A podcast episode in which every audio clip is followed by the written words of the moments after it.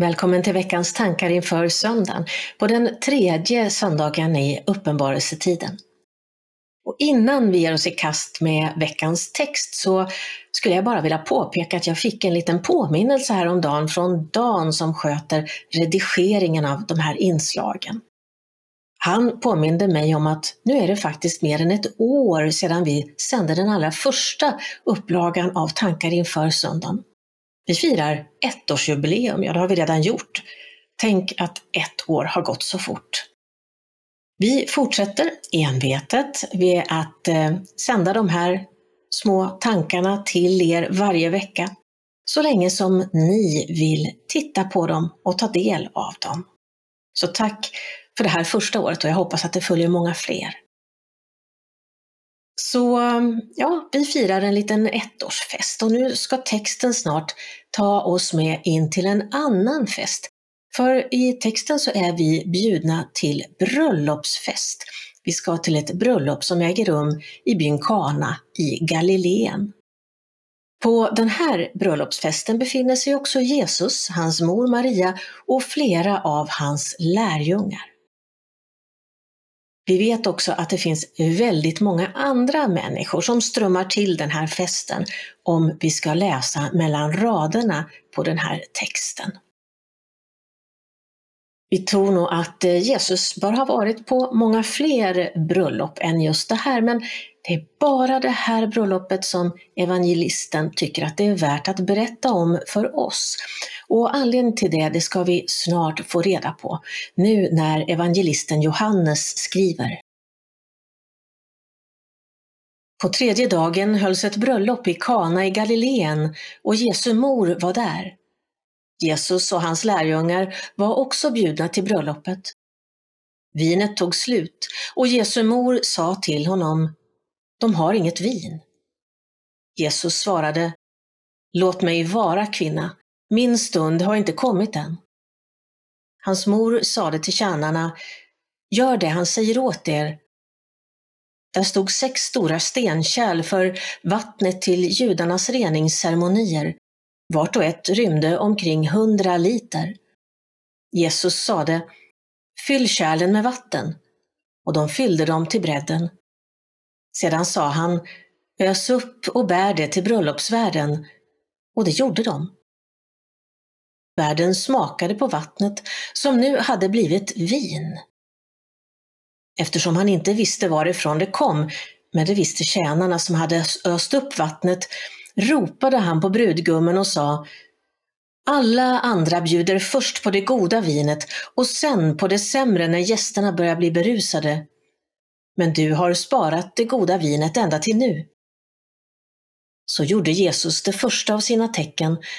Det var i Kana i Galileen. Han uppenbarade sin härlighet och hans lärjungar trodde på honom. Berättelsen om hur Jesus förvandlar vatten till vin är ett av Bibelns allra mest kända stycken. Det är samtidigt det första underverket som Jesus utför, i alla fall det första som vi vet om.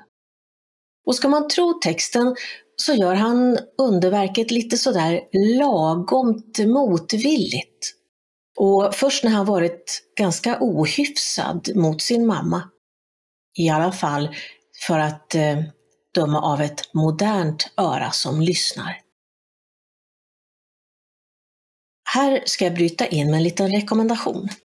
Om du inte redan har sett serien The Chosen som går att streama på nätet eller se via en app så rekommenderar jag dig att du gör det. Serien är den jag själv tycker allra mest om vad gäller skildringar av Jesus och hans lärjungar. Och dessutom så är den helt sponsrad via crowdfunding. Säsong 3 har just släppts. Och um, jag tror att vi ska ta och lägga in länken till den här hemsidan, till serien, här i inlägget på nätet. Så kan du klicka på den eh, länken och komma direkt till den sida där du kan streama ner och se alla tre säsongerna av den här serien. Se den, jag rekommenderar den. Och um, Bröllopet i Kana, ja den är självklart med även i serien The Chosen. Och avsnittet innehåller en ledtråd till varför Jesus till slut gör det här underverket, trots att han först inte riktigt vill. För det är klart att Jesus visste att det skulle få konsekvenser för honom om han visade folket vem han verkligen var. Då skulle det anonyma vardagslivet för, vara över för Jesus en gång för alla. Och det verkar sig som att Jesus drog sig lite för att få den uppmärksamheten. Men trots det så utför han underverket. Vatten blir till vin och inte vilket vin som helst. Nej, det här vinet är så gott så att gästerna och världen imponeras av det. Så um, varför utför nu Jesus det här underverket? Trots att han inte måste. Det är ingen som förväntar sig att han ska lösa situationen som har uppstått. The Chosen ger en i mina ögon ganska realistisk förklaring till det hela. Brudgummens familj hade annars fått skämmas inför alla de gäster som hade strömmat till bröllopsfesten. Tänk att bjuda in till bröllop, till en stor fest och sen inte ha råd att bjuda på mat och dryck till de som kommer. Det hade varit oändligt pinsamt för familjen, en skam som förmodligen aldrig hade tillåtits att glömmas bort. Det som skulle ha blivit en fantastisk bröllopsfest och ett minne för livet stod faktiskt i risken för att bli en pinsam katastrof. Men tack vare Jesus så förvandlas den här katastrofen som kunde ha inträffat och blir till istället till en stor triumf.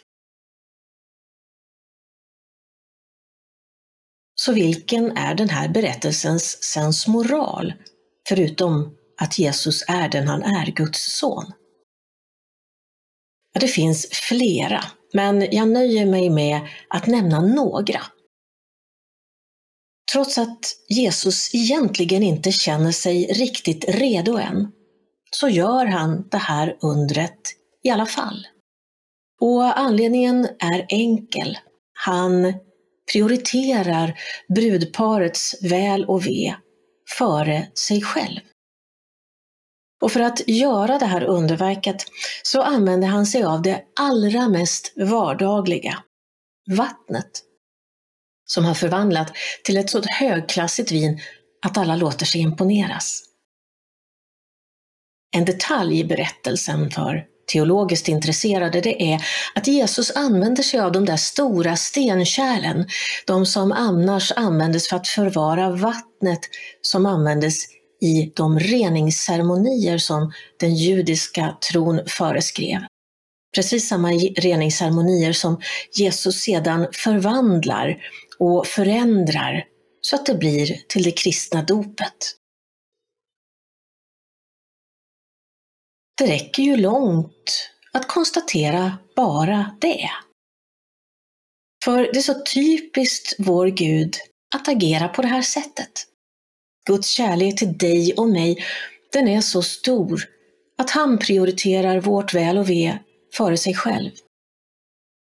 Och när Guds kärlek verkar inom oss, ja då förvandlas också vi. Från det vardagliga, bristfälliga och anonymt mänskliga till något alldeles, alldeles fantastiskt och gudomligt. Så precis som vattnet lät sig förvandlas till vin den där dagen i Kana, så kan vi låta oss förvandlas. Gud utför miraklet av kärlek till oss. Vi behöver bara låta det ske. Gud välsigne dig.